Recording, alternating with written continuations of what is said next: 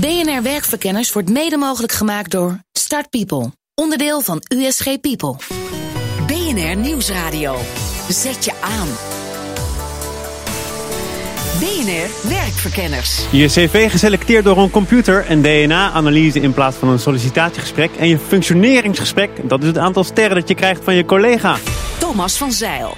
Is dat straks realiteit of blijven er altijd mensen nodig? Kun je HR vervangen door computers? Daarover gaat het vandaag in BNR Werkverkenners. Het eerste woord is voor onze werkverkenners. De elf mensen die we volgen en die gezamenlijk een dwarsdoorsnede zijn van de arbeidsmarkt. Werkverkenners Update. Egmond Borgdorf is directeur personeelsbeleid en arbeidsmarkt bij Achmea. En ziet dat er steeds meer gebruik wordt gemaakt van big data. Ja, wat wij met name de laatste tijd, de laatste pakweg anderhalf jaar veel doen, is gewoon allerlei data analyseren. En dat, dat is zowel medewerkersdata gekoppeld aan soms andere bronnen. En dat, daar haal je gewoon heel veel waardevolle eh, gegevens aan. Dus dan weet je ook veel beter op welke manier je beleid en je instrumentarium moet, nou, waar je dat op moet richten. Dat betekent dat zijn afdeling het beleid anders onderbouwt. In plaats van op basis van ideeën werkt Achmea nu met koppelingen van gegevens. Dat maakt het makkelijker om specifiek interventies door te voeren. Je koppelt bijvoorbeeld salarisgegevens, gegevens met betrekking tot leeftijd, performancegegevens en medewerkerstevreden, tevredenheidsgegevens koppel je aan elkaar. Dat doe je allemaal wel anoniem, je niet kan dingen leiden tot op uh, persoonsniveau. En wat je ziet is dat als je die data bijvoorbeeld aan elkaar koppelt, dat er veel oudere medewerkers nou, bijvoorbeeld bovenschalig zijn. En daar kan het beleid dan vervolgens op worden aangepast.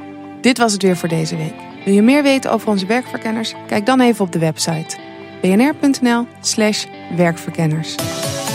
De bijdrage was van redacteur Laura Walburg. Mijn gasten van vandaag zijn Sander Klaus, hoogleraar Big Data Ecosystems aan de Universiteit van Amsterdam en adviseur bij KPMG Management Consultant Tom Haak partner bij het HR Trend Institute en Cruncher. En Jan van Gogh, directeur marketing en sales bij Connexis, dat wervingssoftware maakt. De eerste vraag, die is voor jou, want het is een modewoord, big data. Wat doet het voor HR? Ja, ik denk inderdaad dat de big data aan zich, dat zegt de mensen niet zoveel. Dus je zal het moeten opsplitsen. Ik denk dat voor HR dat er drie aspecten interessant zijn. Het eerste aspect is hoe je HR zelf beter kunt laten functioneren. Dus denk eraan van hoe kun je beter contracten opstellen, et cetera. Tweede is HR eh, binnen je organisatie.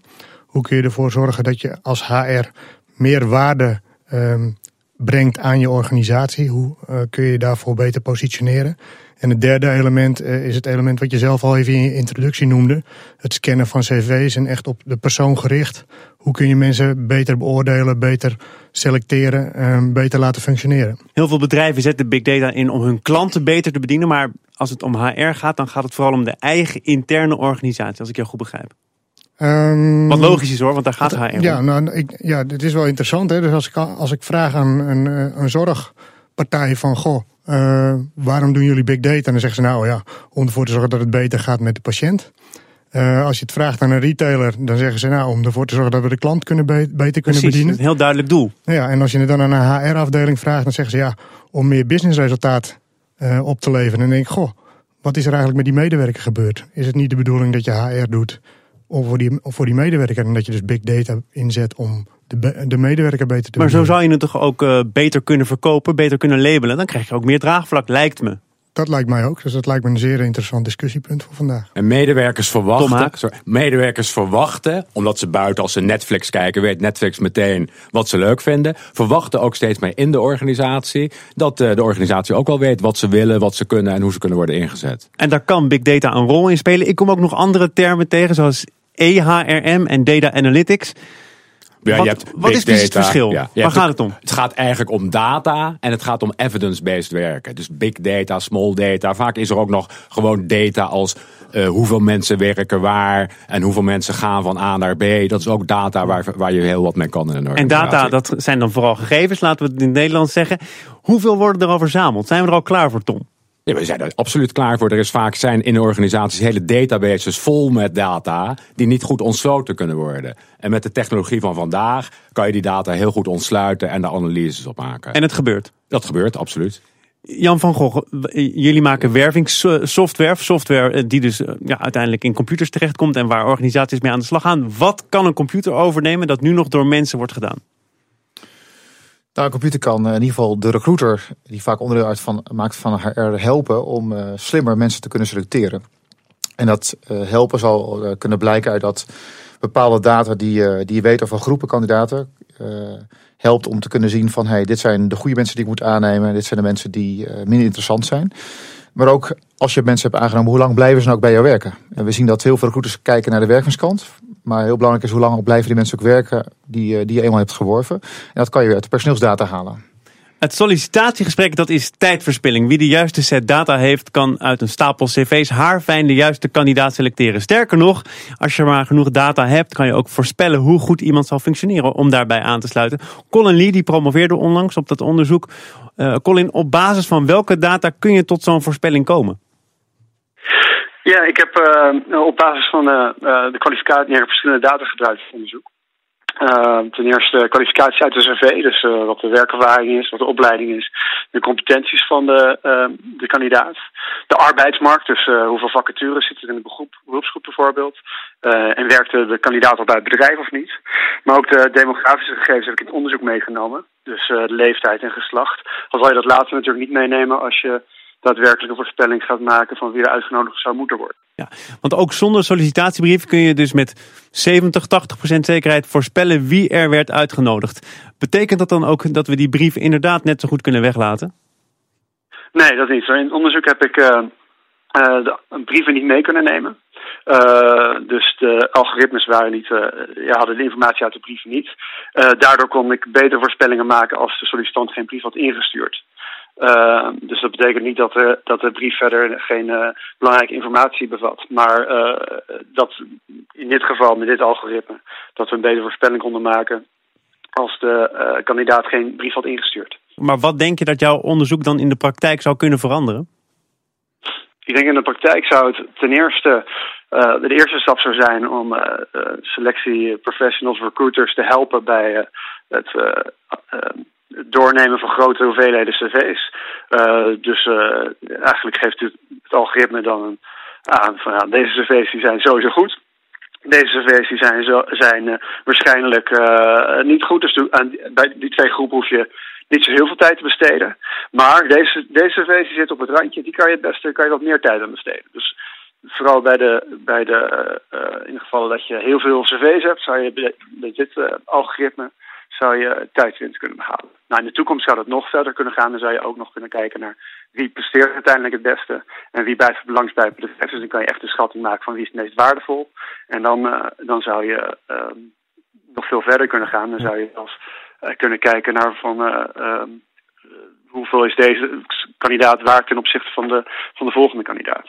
We kunnen er dus veel mee, maar we moeten de eerste stap uh, eigenlijk nog zetten. Dankjewel. Colin Lee, gepromoveerd aan de Erasmus Universiteit.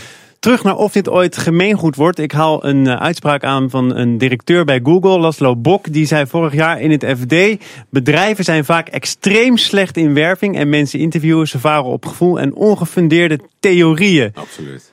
Absoluut, ja, Tom absoluut. Hier, dat, dat is alvast een, een instemming. en en wat, wat, je, wat je net zei, kijk, het proces kan ook veranderen. Want het insturen van een cv en cv selecteren, of je dat nou met big data doet of niet, dat gaat veranderen. Want door big data kan je kijken, wie zijn nou echt succesvol in organisaties? En dan ga je op zoek naar die mensen. Ja, maar het gaat er nu ook nog om dat je die mensen eerst moet aannemen, toch? Nu hoeft niet. Nee, je gaat op zoek naar ze. Uh, buiten je organisatie. Op basis van de data die je hebt geanalyseerd. En hoeven ze niet meer te solliciteren. Jan van Gogh, hoe lang denk je dat mensen toch nog eerst die brief willen zien, dat gesprek willen voeren voordat ze mensen aannemen, voordat ze met mensen in gesprek gaan überhaupt? Nou, het vak is van HR wel vrij traditioneel. Dus ik denk dat het niet uh, morgen gebeurt. Uh, er zijn bedrijven die daar wel langzaam van het af gaan stappen zijn. Wat ik wel zie is dat het vak in een, momenteel een hele mooie fase. Zeker in recruitment. Eh, de schaarste neemt toe. Dus er is een noodzaak om te veranderen. Maar durven ze de controle al over te geven aan software die jullie bijvoorbeeld maken? Dat begint mondjesmaat. Wat wij nu al zien is dat wij kunnen al mensen vooraf al bepalen die zijn geschikt ja of nee. Maar HR wil altijd nog zelf daarnaar kijken of het ook correct is. Dus daarin zie je dat het nog niet helemaal wordt losgelaten. Dat er nog wel een menselijke check overheen gaat of het ook echt gebeurt. En verder wat ik zie is dat bedrijven zien dat het vak van recruitment verandert naar online marketing toe. Daar geloven we ook in. En in de online Wat bedoel je daarmee? Want dat vind ik een hele rare combi die je in één keer ja, maakt. dat lijkt heel raar. Maar wat je ziet is dat een marketeer is ook gewend om in doelgroep te denken. Dus die weet precies wat zijn mijn klanten die heel graag met mij willen gaan werken of die mij nodig hebben. Of welke mensen zijn nog niet geïnteresseerd in mijn product.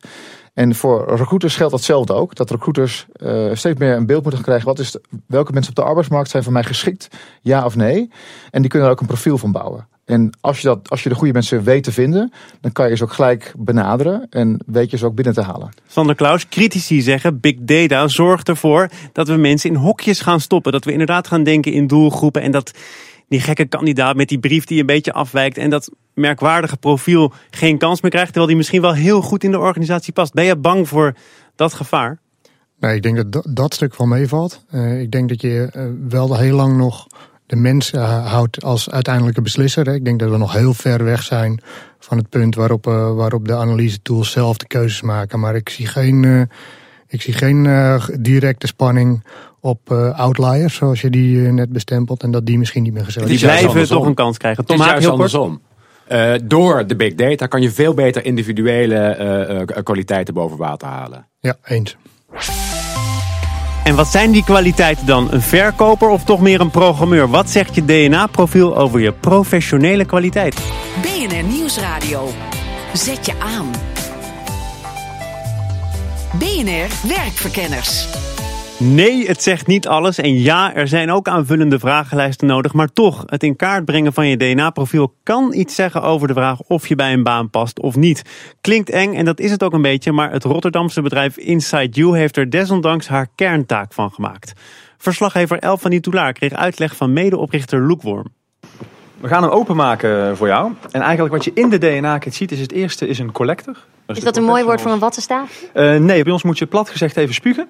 Ja? Uh, je spuugt het buisje vol met, uh, met je speeksel als professional en stopt hem in de meegeleverde retourdoos aan de andere kant van de DNA-kit. Weer terug retour naar Rotterdam. Oh ja, ik zie het. Kartonnen envelopje met het adres erop. Ja, en het allerbelangrijkste is, dit is eigenlijk dus fase 1 van de ontwikkelassessment.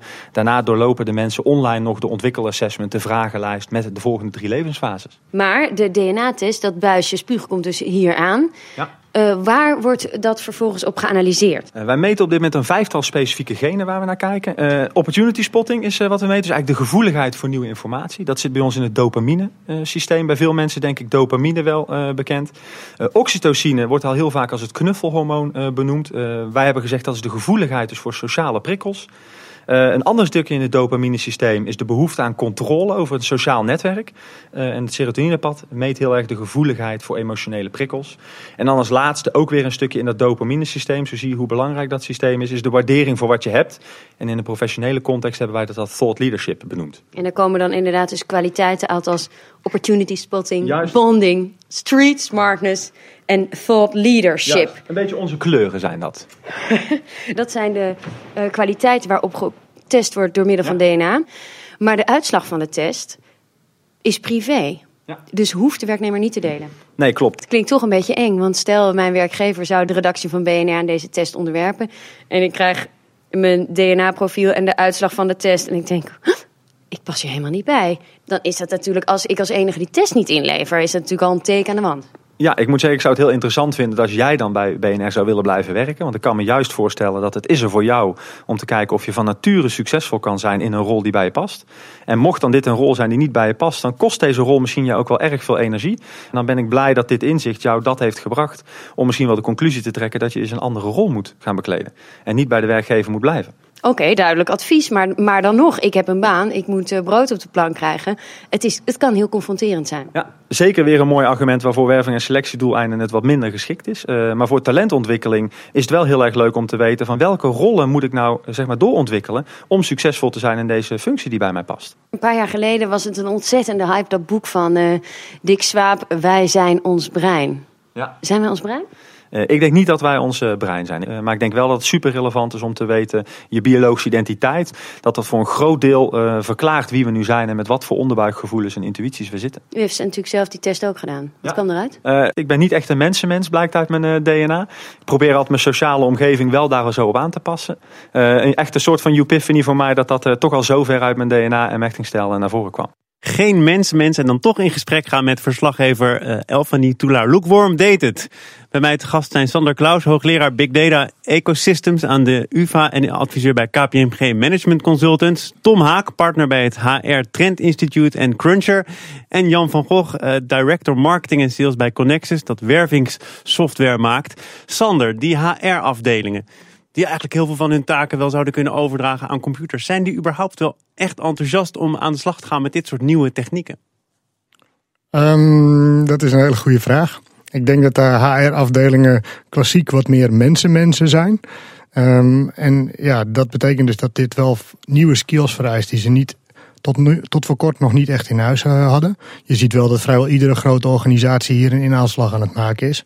En op een enorm tempo ook inderdaad de statistici en de harde IT-mensen eh, naar binnen aan het schuiven is om eh, met deze nieuwe ideeën om te kunnen gaan. De nieuwe baas van de HR-afdeling is een techneut. Techneut is een ICT'er. Dat uh, zou een hele goede keuze zijn. Ja. Tom Haak? Nee, absoluut niet. uh, de, de, de nieuwe baas van HR is iemand die wel wat weet van HR, uh, van big data en analytics. Maar die ook juist veel weet van het HR-vak. Hoe zie jij die combinatie dan? De combinatie. Dus je hebt als HR-baas uh, heb je een heel goed uh, analytics team. En je hebt goede uh, tools die je kunnen gebruiken bij de analytics. Ja, maar ik denk toch dat de analytics echt de boventoon aan het voeren is op dit moment. Je dus moet ik... de juiste vragen kunnen stellen. Je moet de data op de juiste manier kunnen interpreteren. En je moet de juiste keuzes kunnen maken. Absoluut, mee eens. Maar de vraag is, is het een HR-man met een IT-inslag of een IT-man met een HR-inslag? Nou ja, dat is veel loter maar Als iemand, maar als iemand het vak, HR is een vak. Oké, het staat 1-1. Nee, Jan van Gogh, jij mag de doorslag geven. Uh, nou, het gaat om de samenstelling van je team. Ik denk dat het heel goed moet kijken naar wie zit er in het team.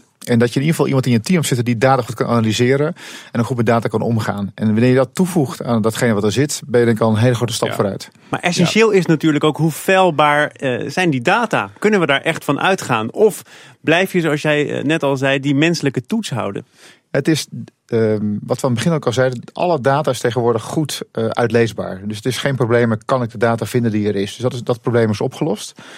Um, dus het gaat vooral om wat doe ik ermee. En uh, er zijn voldoende oplossingen om dat nu ook in kaart te brengen. Om dat te gebruiken voor je, voor je HR-business. Van der Klaus gaat gekke bekken trekken, dus dat betekent waarschijnlijk iets.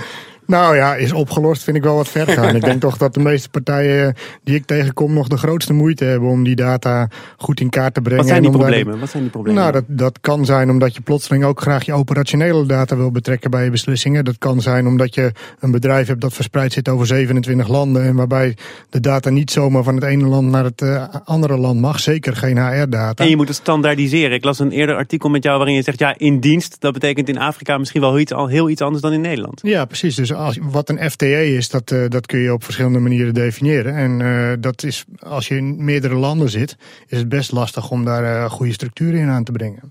Tom Haak, als jij één wet zou mogen aanpassen of één categorie extra zou willen verzamelen, welke zou dat dan zijn? Of mag je in Nederland al alles vastleggen? En nee, dat hoeft niet. Maar ik, ik, mijn standpunt is, met de data die er is, kan je vaak al heel veel doen. Dus ga niet uh, uh, eindeloos data standaardiseren of heel veel nieuwe data. HR zit vaak op een goudmijn van data die ze goed kunnen ontsluiten. Nou, ik nou, ben ik helemaal met je eens, Tom. Ik denk, mijn, mijn plie was ook niet van ga eerst alles structureren. Okay. Mijn, uh, mijn plie was wel van hou er rekening mee dat dit nog veel uh, mm. lastiger is dan dat veel mensen. Absoluut. En data geeft niet de oplossing. Jan van Gogh, want jij zei net, daar begon het mee.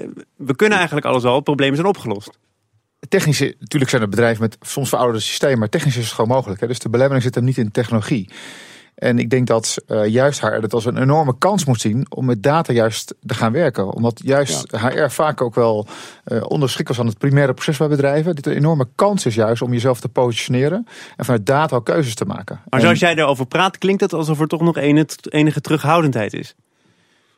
Er zit terughoudendheid, omdat men het nog niet vanzelfsprekend altijd gewenst is. En dat, Daarom moet je ook een IT de baas maken van de HR. Of nee, maar je moet niet generaliseren. Er is een heel goed HR die er heel goed met data om kan gaan. En er zijn suffe HR'ers die niet weten ja. wat ze ermee Maar Tom Haak, ja. jij zei net zelf ook, ja. ze zitten eigenlijk op een berg informatie. Die kunnen ze ontsluiten. Waarom doen ze het nog Nou, niet? omdat ze niet de juiste tools hebben. Omdat de technologie vandaag heel snel gaat. Dus de, de juiste tools komen er. De juiste tools zijn er. En dat geeft, daar ben ik helemaal eens met Jan. Dat geeft vandaag enorme kansen voor HR om de impact te vergroten. Sander, jij bent bezig met het ecosysteem voor big data. Wat moet er nog in de komende tien jaar aan het ecosysteem worden toegevoegd om het echt te laten werken, ook op HR-vlak? Het grootste probleem met het ecosysteem is op dit moment vertrouwen. Hoe zorg je ervoor dat mensen vertrouwen krijgen in wat er in die black box gebeurt?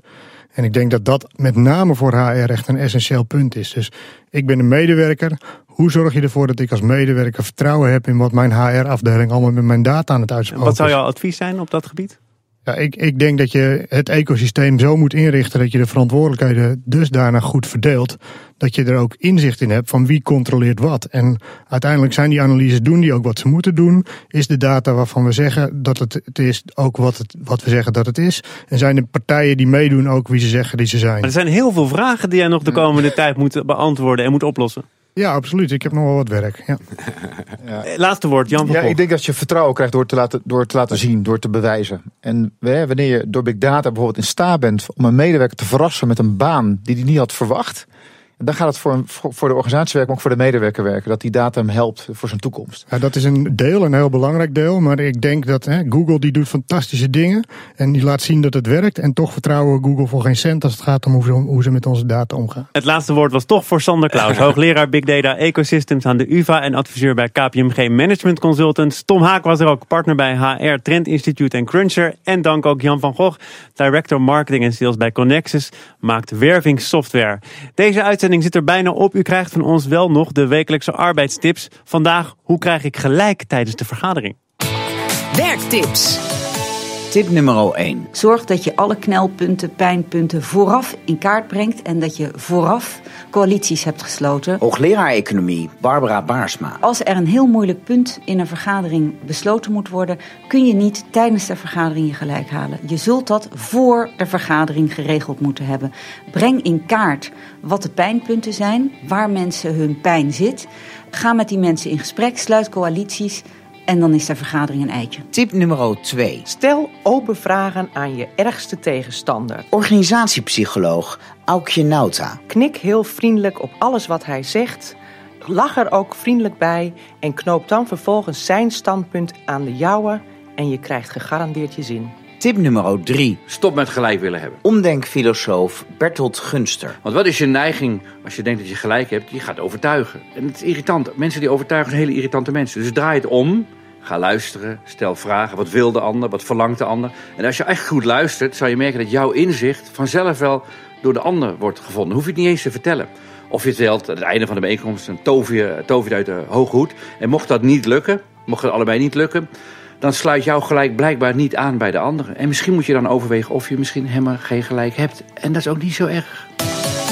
De tips werden verzameld door verslaggever Higo Krant. Ze zijn terug te vinden op onze site. Tot zover deze uitzending van Werkverkenners. Volgende week dan zijn we er weer. Check ons tot die tijd op werkverkenners.nl. Daar kunt u zich ook abonneren op de nieuwsbrief. Wilt u de uitzending nog eens terugluisteren? Dat kan op bnr.nl slash werkverkenners. Bedankt voor het luisteren en werk ze.